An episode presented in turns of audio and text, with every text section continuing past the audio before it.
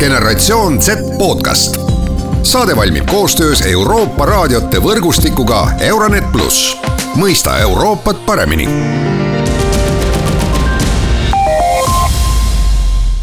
Nii, tere, head kuulajad, alustame oma äh, tänase saatega, mina, saatejuht Mart Valner ja tänaseks teemaks on äh, digitaalne euro. kas see on, mis see on, kas see asi üldse kunagi äh, tuleb ja mille pärast me räägime praegu Euroopa Liidus sellisest asjast nagu digitaalsest eurost, seda ongi minuga täna avamas Eesti Panga makse- ja arveldussüsteemide osakonna juhataja Rainer Olt. Rainer, kõigepealt tere päevast! tervist, väga meeldiv siin olla. nii äh,, digitaalne euro äh,, kui me läheme nüüd täiesti algusesse äh,, alustame sellise provotseeriva küsimusega, kas digitaalse euro mõte tuli siis, kui Euroopa Komisjonis või Euroopa Liidus keegi nägi, et osa Bitcoin läheb nii kõrgele, teeme enda oma ka? Ma äh, alustan siin kohe selle äh, müüdi kummutamisega, et äh, kas digieuro on äh, krüptovaluuta või krüptovara äh,. ei, niimoodi, nii see ei ole, digitaalne euro äh,, see, mida me praegu uurime ja teeme, ja mida on äh, plaanis äh, siis võib-olla ka realiseerida, saab olema samasugune raha, nagu meil on täna sularaha taskus või äh, raha konto peal. See tähendab seda, et selle raha väärtus ei kõigu, selliselt -hmm. nagu näiteks on Bitcoini äh, väärtus, no Bitcoin iseenesest äh, krüptovarana on üldse et selle soetamine tegelikult inimestel on spekulatiivsel eesmärgil, mitte selleks, et sellega saaks äh, poest äh, toitu osta. et, äh, et, et see on puhas investeerimisobjekt, äh, inimesed teenivad sellega raha, aga see ei ole asi, mis oleks maksevahend ja digieuro ei saa olema spekuleerimisvahend, et digieuro, kui ta tuleb, saab olema maksevahend mida me saame igapäevaselt kasutada mm. -hmm. kuigi ma mäletan, paarteist aastat tagasi äh, levisid mingisugused sotsiaalmeedia postitused, kus inimesed, oh, ma maksin äh, neli või viis Bitcoini oma pitsa eest, vaadake, kui äge see ongi tulevik, ma kujutan ette, et need inimesed väga kahtle kahetsevad seda, et neid summasid, kui nad praegu, praegu võrdlevad. kaht-, kaht-, kahtlemata, ma arvan, et siin äh, noh, paljud noored, kes mängivad siin erinevaid mänge nagu äh, Äh, Fortnite äh, ja ostavad seal ka erinevaid coin'e ja raha ja ja kui see krüptovarad äh, pildile tulid, siis kõik mõtlesid, et see, see saabki olema uus, uus reaalsus, et me liigumegi virtuaalmaailma, me hakkame seal mingit oma raha kasutama ja, ja jah, ausalt öeldes see oli see liikuma panev jõud, mis pani keskpangad üle maailma mõtlema, et äkki on vaja mingisugust digitaalset keskpanga raha, arvestades, et meil maksekeskkond muutub üha digitaalsemaks, meil on sularaha, osades riikides selle kasutus väheneb, osades jälle mitte, ja noh, tuleb lihtsalt mõelda, mis on see tänapäevane alternatiiv ka Keskpanga poolt äh, selles digitaalses maailmas mm. -hmm. no kui me nüüd võtame selles mõttes Eesti näite ja sularaha, siis äh, noh, keskmise eestlase ikkagi äh, tunnus on see, et umbes aasta aega pole näinud sularaha ja missugune see täpselt välja näeb, ei tea, eks ole. kindlasti panga statistika ütleb, et see päris niimoodi ei ole, aga, aga, aga siiski me oleme juba väga digitaalne oma maksevahenditega Äh, kui me nüüd räägime sellest digitaalse euro projektist äh, versus siis see, et äh, ma teen oma panga äpi lahti ja minul on seal mingid numbrid, mis ütlevad, palju mul on eurot, mis on ju digitaalne, sest et ta ei ole mul füüsiliselt käes, et et kuidas see erineb üldse omavahel? kui me mõtleme oma pangakonto peale, siis tõesti, seal on meil raha praegu olemas, me kasutame seda poes, ongi meil digieuro, ongi digieuro Äh, digitaalne euro, see, mida me praegu uurime ja mille uurimisetapp käib, äh, see saab olema ka digieuro. Äh, ainukese vahega, et kui meil noh, näiteks pangasüsteem, kommertspanga süsteem ei toimi, siis digieurot on ehk võimalik varulahendusena edasi kasutada Äh, sellepärast et äh, digieuro on ka ligipääsetav läbi mõne teise panga. et kui ma näiteks lähen täna oma panka, mis on mu kodupank, või noh, tulevikus, kui digieuro tuleb, äh, avan nii-öelda läbi selle panga oma digieuro konto või wallet'i, noh, me ei tea, milline see veel saab olema, ja hakkan seda kasutama läbi oma, oma panga, oma, isegi võib-olla läbi oma panga äpi, lihtsalt ma saan valida, et kas ma nüüd maksan enda pangakonto pealt või siis nii-öelda digieuro taskust. Ja, ja nüüd juhul, kui selle pangaga, mida ma kasutan, midagi peaks juhtuma, mingi süsteem läheb katki või toimub küberrünnak, no tänases keskkonnas küberrünnakud on hästi aktuaalsed, ja noh, muidugi Eesti pangad on, Eesti kommertspangad on väga hästi äh, suutnud ennast ette valmistada ja kaitsevad ennast hästi nende tavalise teenuse mahavõtmisrünnakute vastu, aga no ütleme, et et äh, nõrgim lüli ehk inimene äh, pangakontoris klikib valel lingil ja, ja siis on häkker süsteemis ja pank peab tegelikult kogu süsteemi kinni panema. siis inimese raha on tegelikult, see, mis pangakonto peal on, on hästi turvaliselt seal pangas olemas, aga seda ei saa kasutada, sest süsteem on kinni pandud Äh, ja, ja see taastamine kindlasti võtab seal oma aja, noh, nüüd mõeldes äh, digieurole ja võib-olla sellele lisaväärtusele, mida ta sellel hetkel võiks tuua, äh, ongi, et inimene siis kõnnib sinna teise panka, kus ta võib-olla on juba klient, võib-olla ei ole, teeb endale seal, tuvastab ennast ära ja saab läbi selle teise panga digieurot kasutada. Või, või siis noh, seda me ka veel ei tea, võib-olla tekib mingisugune eraldi äh, äpp või rahakott ka digieuro kasutamiseks, et äh, see kõik äh, on praegu analüüsis äh, ja arutelus äh, kõigi euroala keskpankade vahel ja ka aktiivselt turuosalistega, et, et äh, milliseks see digieuro äh, võiks saada, kuidas ta kõige paremat kasutajakogemust äh, saaks pakkuda. Noh, muidugi siin on selleks põhibenchmarkiks on meie see, kuidas me täna pangateenuseid kasutame. Me just enne rääkisime, et et Eestis on kõik hästi digitaalne, hästi, maksed on hästi kiired, kui ma mõtlen selle peale, et kui ma praegu teeks sinule makse ja ma tean su mobiiltelefoni numbrit, on ju, siis ma sisuliselt telefoniraamatust äh, algatan sulle makse ja raha on hetkega kohal ja kõik on väga, väga sujuv ja mõnus, nüüd mõelda, kas digieuro teeks seda kasutajakogemust paremaks, ma julgen öelda, et ei tee. ja, ja, ja see, siit, siit tulebki äh, see põhiküsimus, et mis lisaväärtust siis digieuro toob. noh, sellises tavaolukorras äh, tegelikult äh, ega väga palju ju ei toogi. Ma arvan, see lisaväärtus saabki olema just sellistel hetkedel, kus see tavasüsteem ei toimi ja ehk siis see digieuro süsteem alternatiivina toimib mm. -hmm. ja ma arvan, et, et, et seda äh, Äh, ma usun, et inimesed äh, päeva lõpuks hindavad.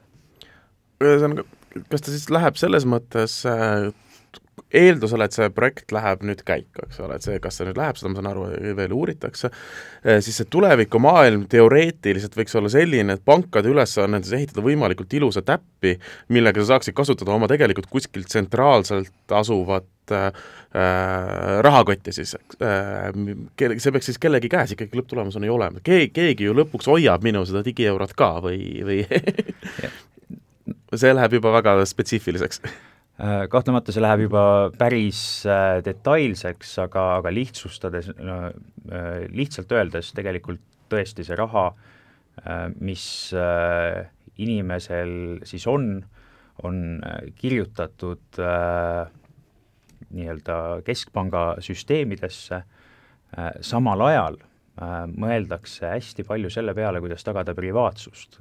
et, äh, et noh, me keskpangana tegelikult ei taha näha, kui palju või mis tehingute jaoks inimene raha kasutab, et et kõik need monitoorimiskohustused, et need jäävad nagu tänases süsteemis kommertspankadele, kes siis vahendavad digieurot inimestele. aga miks pangad peaksid sellega nõus olema? Äh, sest et äh, pankade peamine sissetulek on ju sellest, et mina annan oma raha neile, nemad saavad seda välja laenata. kui mina tegelikult oma raha neile ei anna, siis neil ei ole ju oma raha midagi välja laenata, kust nendeks kasum ja kõik see tuleb või me hakkame tavainimese, noh, nii et oma raha kasutamisest maksma siis teenustasu pangale? selle peale, et äh, meil ei tekiks olukorda, kus inimesed panevad kõik oma raha ainult digieuro-konto peale, äh, olgu selleks põhjuseks äh, siis mis iganes hirm või, või, või lihtsalt soov, et ei taheta kommertspankasid kasutada, et, et, et selle vältimiseks mõeldakse ka tegelikult konkreetselt näiteks limiite et oleks võimalik digieurole mingisuguseid limiite äh, seada, et me ei hoiaks seda liiga palju ja et meil äh, tänane finantssüsteem, pangandussüsteem ei jookseks rahast tühjaks. Sellepärast, et, äh, et see on ka meie roll, et meil säiliks finantsstabiilsus mm -hmm.. okei okay., aga see kõik täiesti tulevikumuusika ja, ja võib-olla, võib-olla tulevik. Äh, mis seisus me selle digieuro projektiga siis praegu, praegu reaalselt oleme, ma ju hetkel ei saa oma kuskil euro rahakotti, europolletit avada üheski pangas, eks ole? digieuro uurimise, uurimisprojekt alustati kahe tuhandenda kahekümne esimese aasta sügisel, kestab kaks aastat, ehk saab läbi selle aasta, käesoleva aasta sügisel. Projekti alguses noh, me väga ei teadnud, et mida me sihime täpselt ja, ja mida, mida me teeme, et tänases pä-, tänasel päeval saab juba selgemalt öelda, et äh, nii-öelda esimesed sihikud on äh, no tavalised inimestevahelised maksed äh,, maksmine poes äh,, et äh, tegelikult tekiks selline äh, Euroopa-põhine alternatiiv äh, meil täna Äh, kasutuses olevatele kaardimaksetele, äh, noh, kui meil poes on kasutusel ainult sularaha kaardimakse ja rohkem ei olegi, on ju, äh, tänapäeva noored võib-olla sularaha ei kasuta, on ainult kaardimakse ja no tegelikult neil, kui kaardimaksega midagi juhtub, noh, ei olegi võimalik poes ju maksta, et ainuke võimalus on hakata sularahaautomaati otsima. Sellepärast on ka nii-öelda valitud poes müük, müügikohas äh, maksmine üheks selliseks alg äh, Äh, fookuseks. ja, ja me oleme samm-sammult mõtlemas äh, ja analüüsimas äh, ka seda, et, et milline siis see nii-öelda süsteem saab olema, ma ei hakka siin detailidesse laskuma, et see on nii-öelda kõik mm, -hmm. töö veel käib, ähm, noh, kindlalt saab öelda, et see mudel, kuidas digieuro inimesteni lõpuks viiakse, on tegelikult väga sarnane sellele, kuidas me täna panga makseteenuseid kasutame. Äh, ehk äh, meil on näiteks kommertspank või mõni makseteenuse pakkuja, kes, äh, kes siis tuvastab mind, seeläbi avab mulle siis selle keskpanga juures, ütleme, et kas see on siis konto või mingi wallet, kes aitab mulle mu pangakontolt anda raha siis sinna digieuro rahakotti või kontole ja võimaldab mul ka äh, enda poolt pakutud äpiga makseid teha.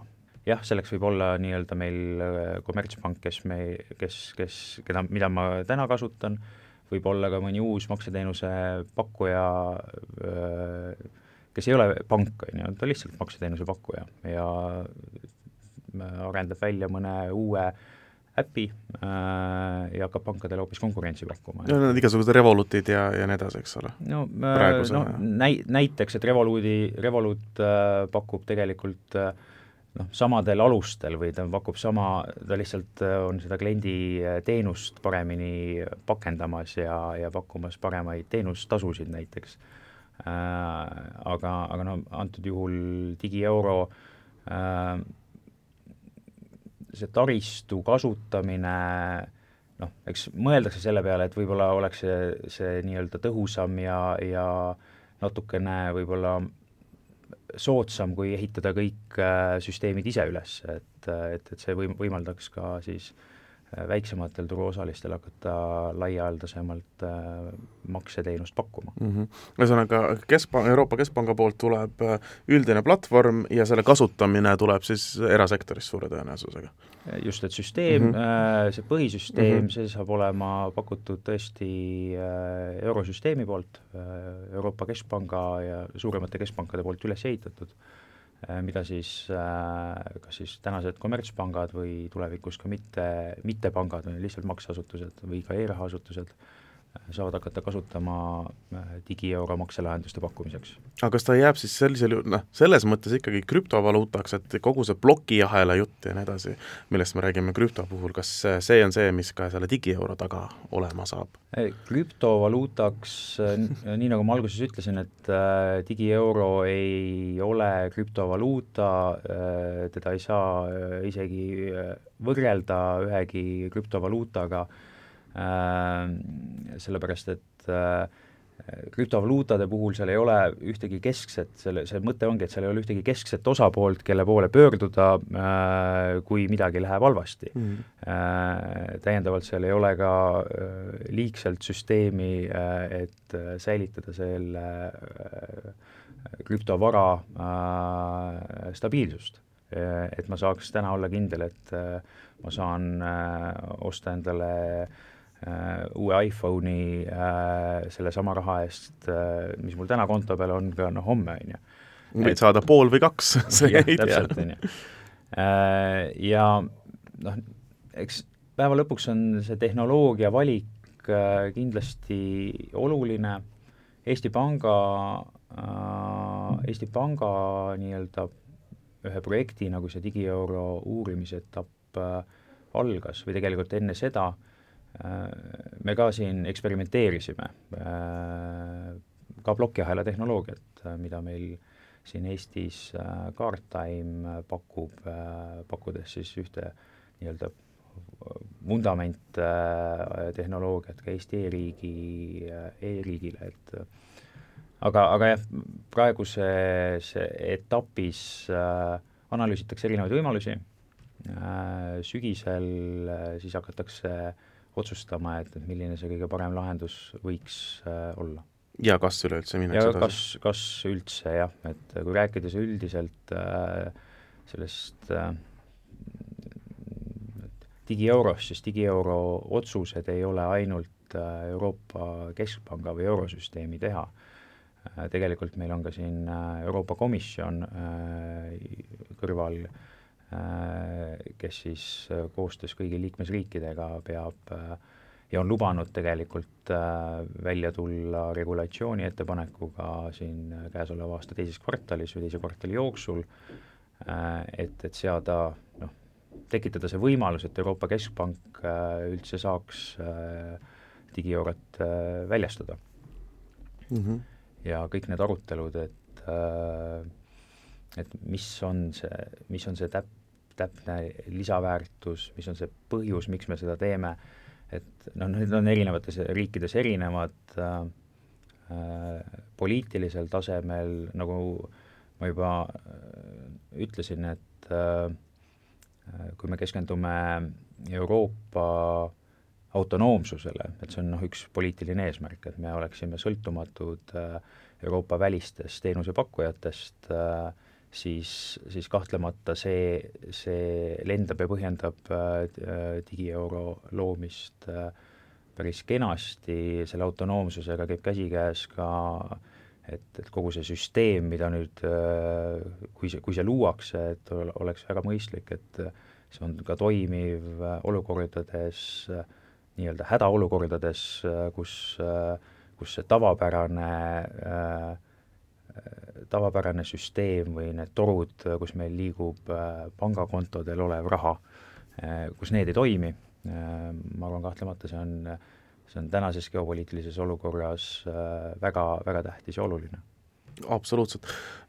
Ühesõnaga, mis hetk on see, äh, kui kõik läheb plaanipäraselt, kui, kui me, kui, kui tuleb uue aasta töölepingu sõlmimine, siis äh, ja, ja tulebki küsimus, et kui suurt protsenti sa tahad pangakontole ja kui suurt protsenti sa tahad oma digipangakontole, mis aasta või millal see võiks olla? Seda on, seda on vara öelda.